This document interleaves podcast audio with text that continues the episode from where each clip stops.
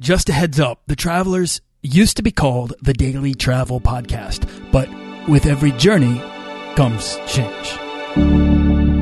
This podcast is produced by Holocene, a community of creative travelers. If you want to get serious about planning that next trip, writing that book, starting that creative project, or launching that business, we're breaking down the barriers between where you are where you want to be together at joinholocene.com. That's join, H O L O C E N E.com. In this session, I'm sitting down with traveler, photographer, writer, entrepreneur, and expat Matt Gibson. Do you want to travel further and more often to visit new places and meet new people and expand the role that travel plays in your life?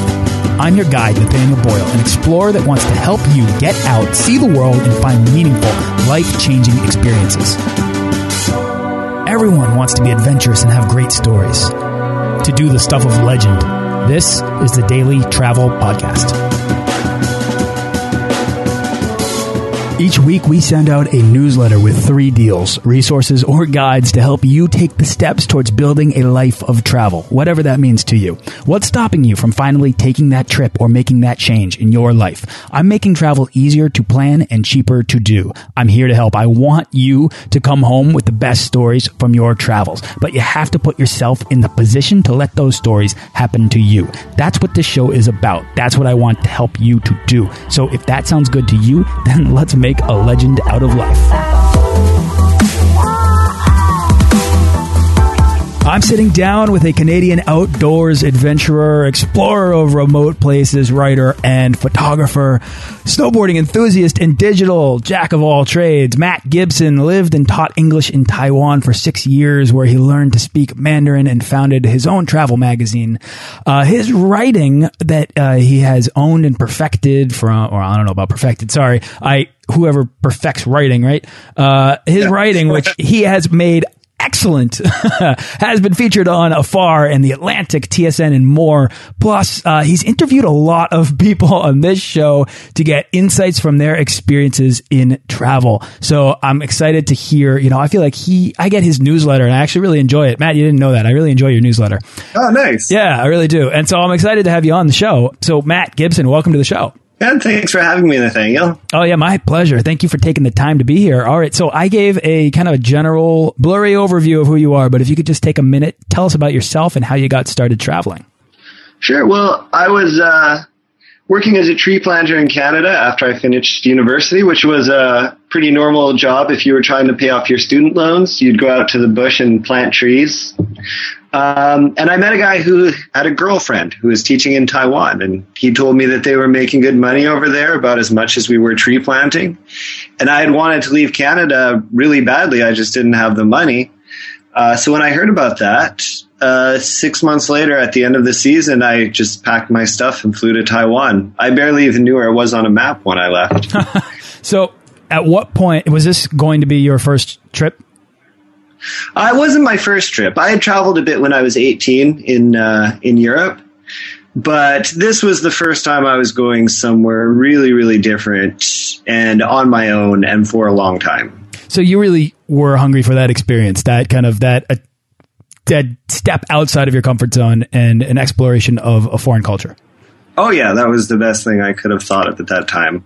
So you you obviously must have immersed yourself pretty heavily into this culture if you came away from it being conversationally fluent in Mandarin. Is that right? Yeah, it was a pretty sudden immersion. The town where I went to live, there wasn't a lot of expat teachers there. There were a few, uh, but not many. So on any given day, if you were walking down the street, you would really not see another foreigner unless you went to a restaurant or bar where foreigners were. So it was a pretty pretty deep immersion for a while. So tell me about how did you find the opportunity to teach English? Did you go through this this guy's program?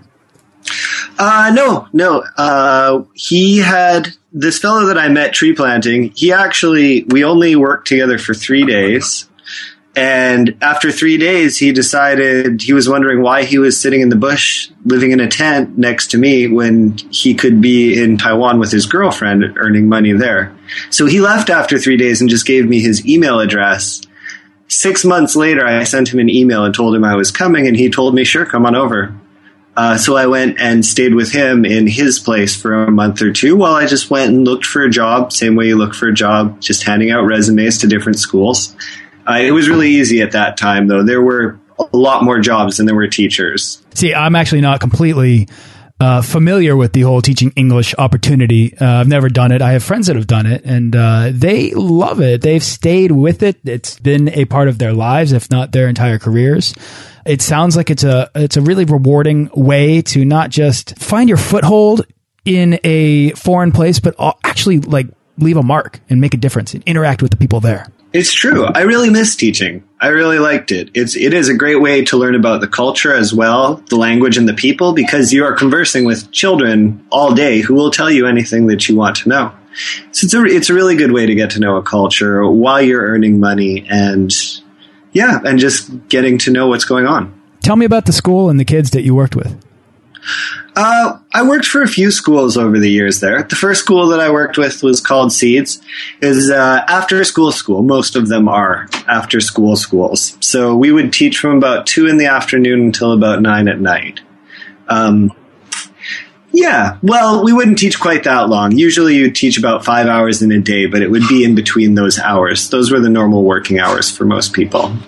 Wow, till nine at night. Mm -hmm. Oh, oh, you're saying they would start later and they would finish at nine. Yeah, yeah, yeah. It was for after they were finished their regular school. It just surprises me to hear that kids would be going home from a second school at nine o'clock at yeah, night. Yeah, no, they didn't go home. They, uh, the children, they're generally study from the time they get up in the morning till the time they go to bed at night, for the most part.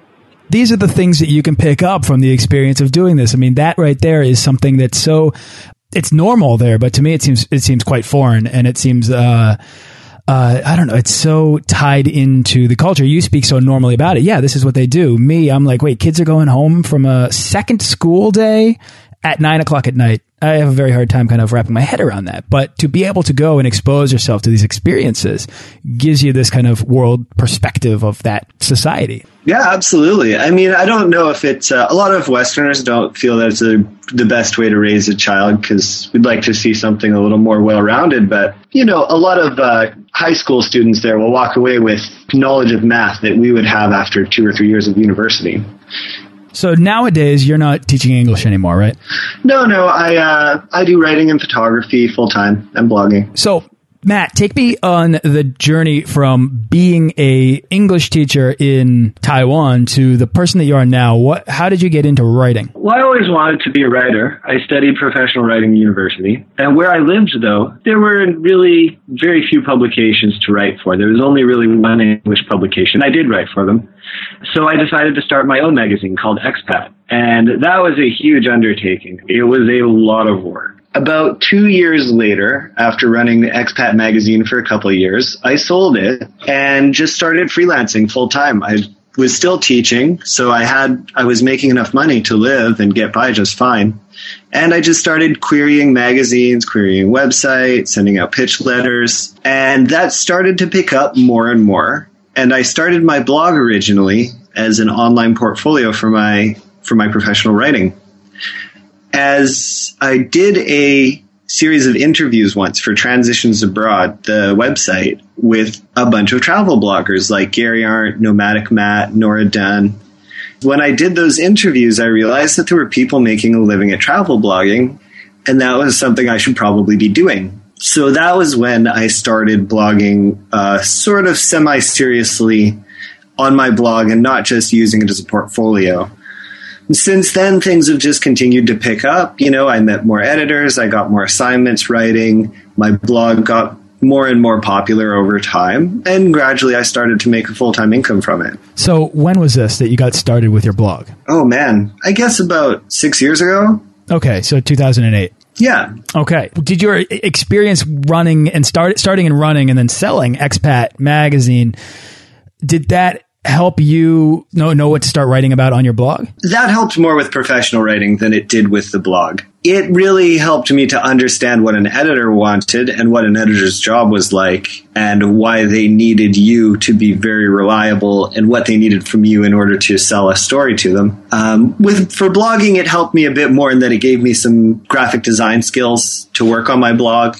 and to set up the website. And as far as writing for my blog, though, that was a fairly a fairly natural thing to just come up with, you know, some more stories of what I was doing and put them up on the blog because there's a lot of things that you can't sell to magazines or websites. They just wouldn't be interested. So you started, I mean, travel blogging in 2008. That's a pretty good time to get into the industry. It's kind of, relatively speaking, it's early. This is around the time when I think brands and tourism boards began to start recognizing the value of travel bloggers. So starting then allowed you to kind of gain some ground and and establish yourself within a smaller, less competitive market.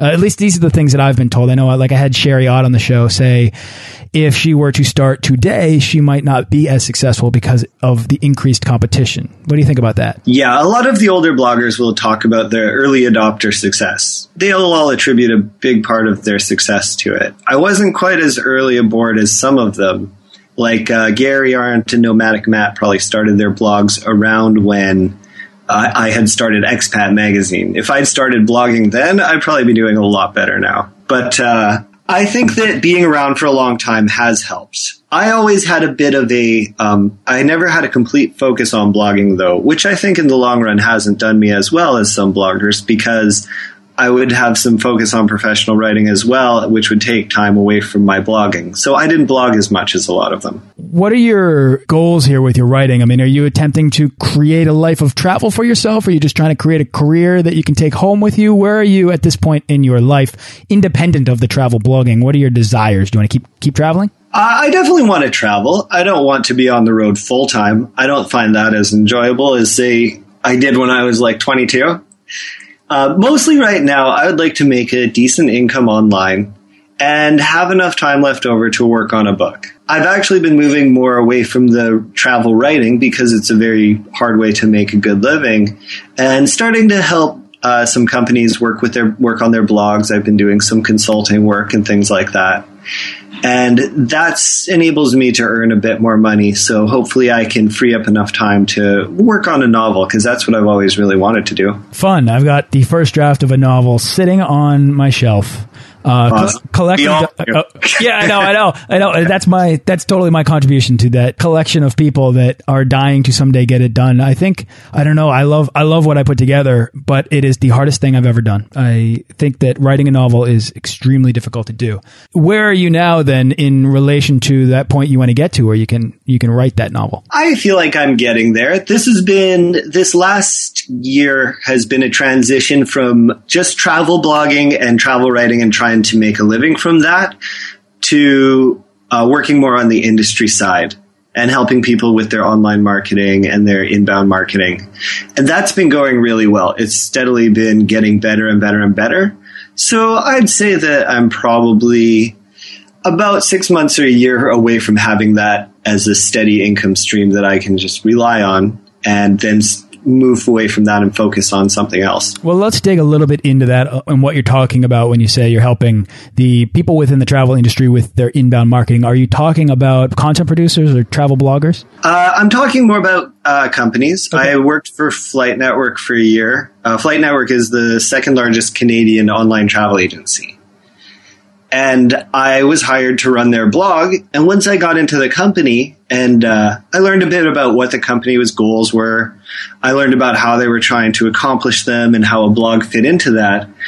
I realized that a lot of companies need the this skill set, uh, but there's not a lot of people who have the skill set and also understand what a company needs to accomplish. So I saw that there was going to be a bit of a demand for some of the skills that I have. Uh, so now I've worked with several different brands on different parts of their inbound marketing. It's a very, very big sphere. It includes outreach to bloggers to try and uh, get bloggers to help them with projects. It includes content creation. It includes coming up with content that specifically accomplishes certain goals it includes increasing conversions for email signups so that they can market to people by email. It's a really wide swath of things. So there's no single thing that I could say I do for people. It's because uh, it's a very case by case basis. And you've developed these skills from working on Expat Magazine, from working on your blog, from interacting with other people and being experienced within the travel writing industry? Yeah, absolutely. And uh, from learning from a lot of very experienced online marketers and from working at flightnetwork.com, where I really got an idea of uh, what a company's needs were. Yeah, so you have a real varied background in terms of all of the ways in which you can be of value to a particular company or uh, you know, even other person, or in my case, I enjoy your newsletter. I think there's a lot of value in your newsletter. And so for any, you know, travel writers or travel bloggers that are listening, you should probably check it out.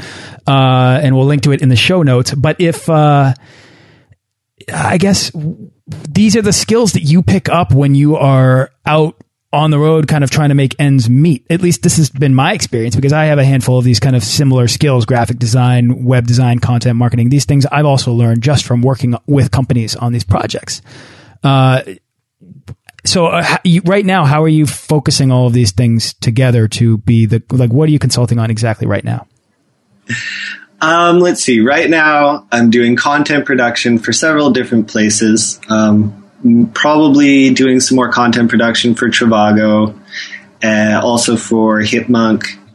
I'm going to ITB Asia to moderate a panel for the Professional Travel Bloggers Association here at the end of the month. That's in Sri and, Lanka? Uh, no, ITB Asia is going to be in Singapore. That's okay. the big travel mart. And then I, the PTBA conference will be in Sri Lanka at the end of November. Okay, I'm confusing the two. Um, but yeah, I'm hoping that moderating the panel at ITB Asia, where all the biggest tourism boards in Asia should be there, as well as a lot of big tour operators and hotels.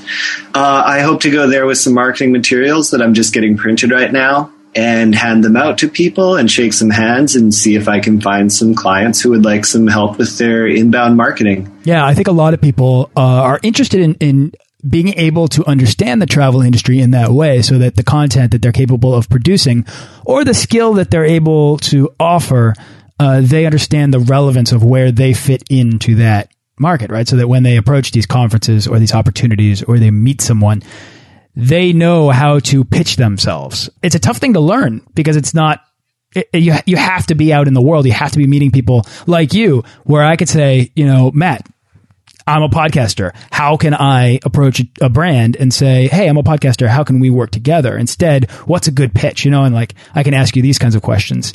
Otherwise, I think it can be really difficult to kind of discern independently. Yes, it is. Without having some kind of guidance, it can be really, really hard. I've always been the kind of person who likes to start a business with no idea what they're doing and just figure it out as I go. And that's the same thing I'm doing here. Once you get started, it sort of makes sense as you go along. And this is the first conference where I'll be doing this, going out and talking to people about their marketing and how I could help them.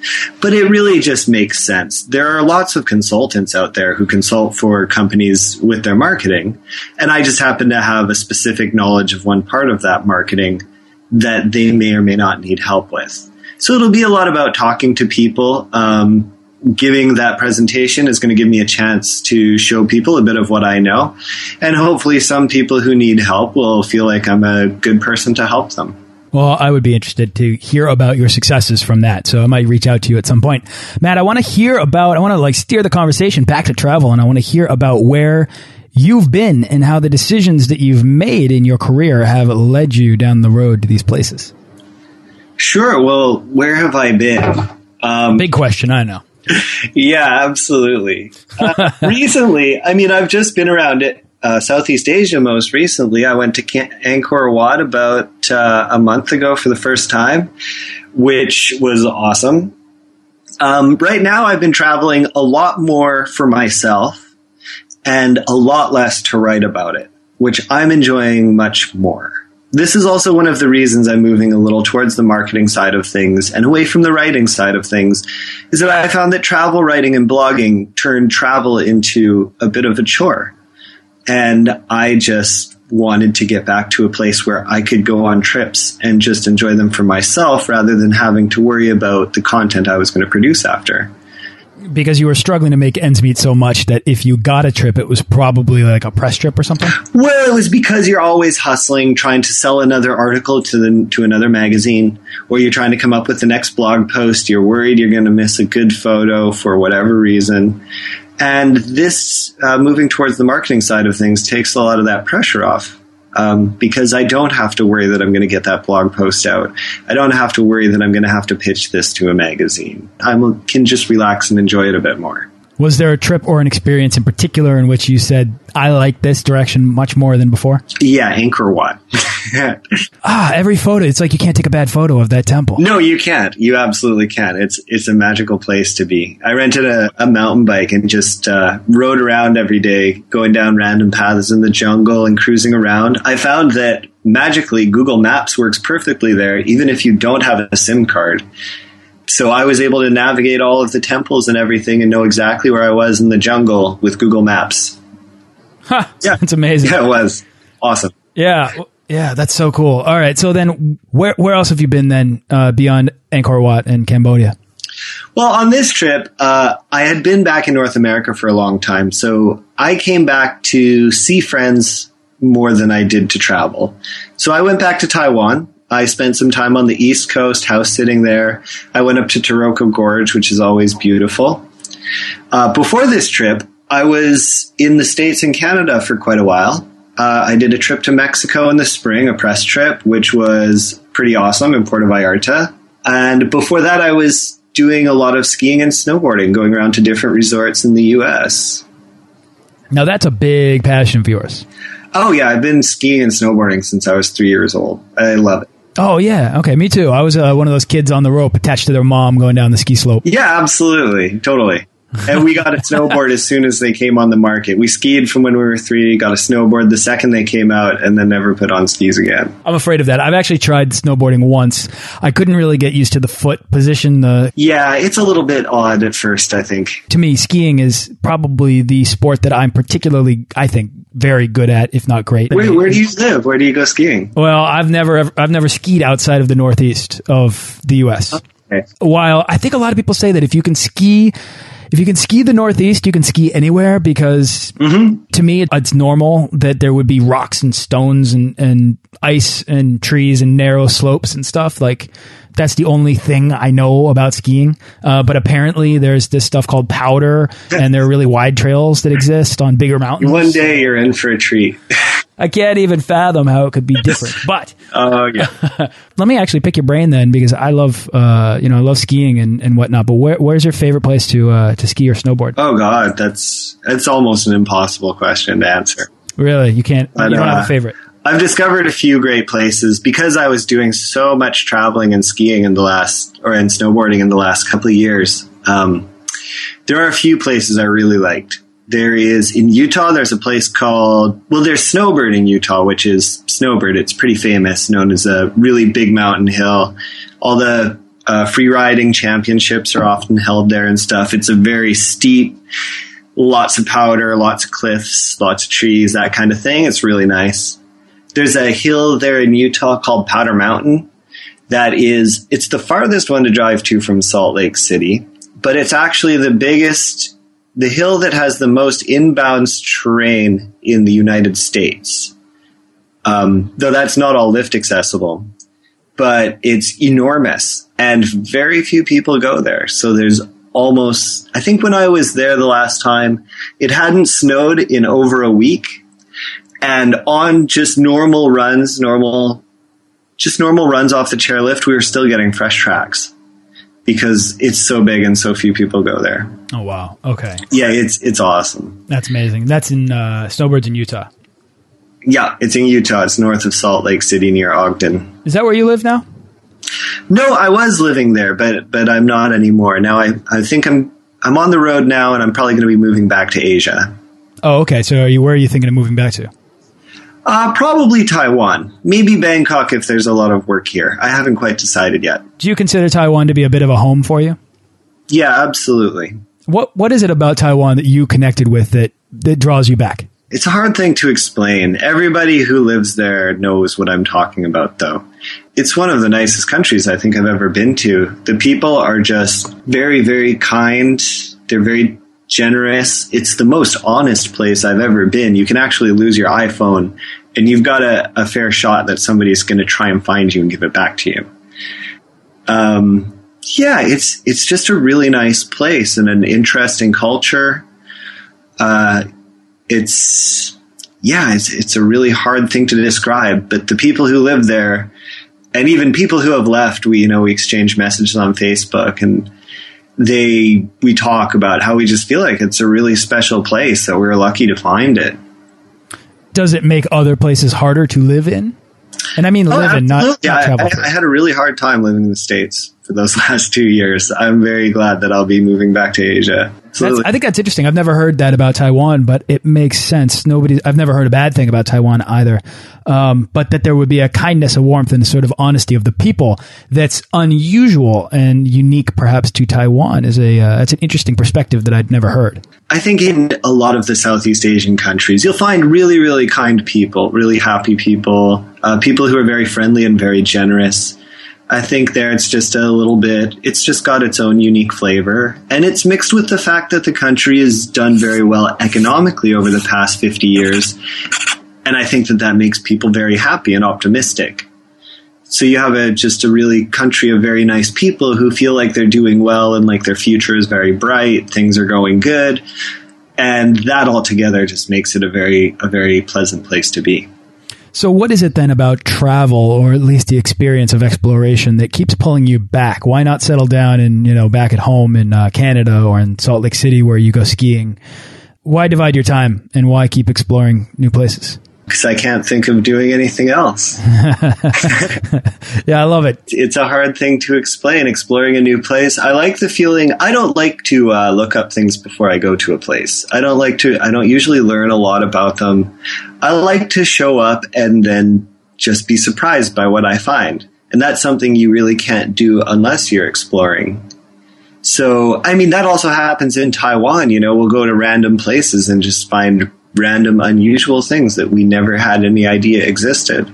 But in, other countries as well, I like to show up not knowing a lot about the culture, not knowing a lot about where I want to go or what I want to see, and then just finding these things as I go and learning these things about the culture as I go. And that way they're very surprising and it's a very enriching experience because you're constantly, constantly being bombarded with all of these things that you want to do and things you want to try and things you didn't know. I think you agree with me when I say that the best stories and memories are created from the things that we can't expect. And that's what this show is all about, helping people put themselves in the position to have these sort of life changing experiences. And these life changing experiences can be subtle. They can be small interactions with people if you allow yourself the opportunity to be surprised. Yeah, absolutely. Serendipity is, is the best thing in the world. It's the one thing that keeps things spontaneous and it is those random surprising things that really make the trip usually. I love that. All right, Matt, I've got a bit of a lightning round here at the end that I'd love to take you through. Uh, it's the part of the show where we're going to boil down the how and the why of travel into pragmatic advice. So I'm going to give you a series of questions and you're going to give me your best travel tips. So here we go. For a lot of people, taking that first step out the door, that can be the hardest part of travel. So what's your advice for anyone dreaming to take that first step to becoming a world traveler? Go for it. You're going to be scared, and that's part of the fun. Well, I like that. That's simple and profound. I love it. the biggest. It reminds me of sitting on the plane to Taiwan the first time, wondering what I was getting myself into. We were scared. Oh, we were. And what was it that that uh, comforted you when you got there? Uh, nothing. We were just scared. You just uh, uh, uh, adapted to the situation. I mean, when you after months later, you learn that you can do it. You know, it's all you have to do is put yourself in the situation, and you'll be fine. It's scary because you don't know what's going to happen, but later you learn that you can rely on yourself in those situations. It's always going to be fine. That's a huge lesson to learn. Uh, Matt, the biggest hurdle then for most people who want to travel more is cost. Do you have a secret money saving tip or a travel hack? I think teaching English is a great way to save money and to travel. That did really well for me. Um, beyond that, traveling cheaply is a matter of discipline, just like saving money at home is a matter of discipline and making it a priority. Do you have a favorite internet travel tool or resource that you use? Skyscanner for looking for flights when they're international. When you're looking for flights, though, within a country, it's always, almost always best to look at their local budget airlines. And when I'm in Asia, I often use Agoda to look at rooms.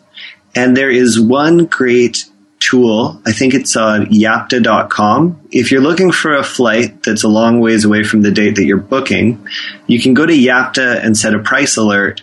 So it'll track the price of the flight that you're looking at and tell you when it's going up and down. So you can uh, look for the low time to buy. Do you have a favorite piece of travel gear that you take everywhere you go? I actually have a Eagle Creek Morphus bag which has been amazing. It's a uh, it's a piece of luggage unlike any piece of luggage I've seen. It's so good. It's very versatile. It has these big rugged wheels. I can drag it down the alleys in Bangkok. Never have to worry about them breaking. But it has backpack straps. It has a duffel bag strap. Has a sleeve for my laptop. I can zip it off uh, from the carry-on into a duffel bag, and the carry-on will become.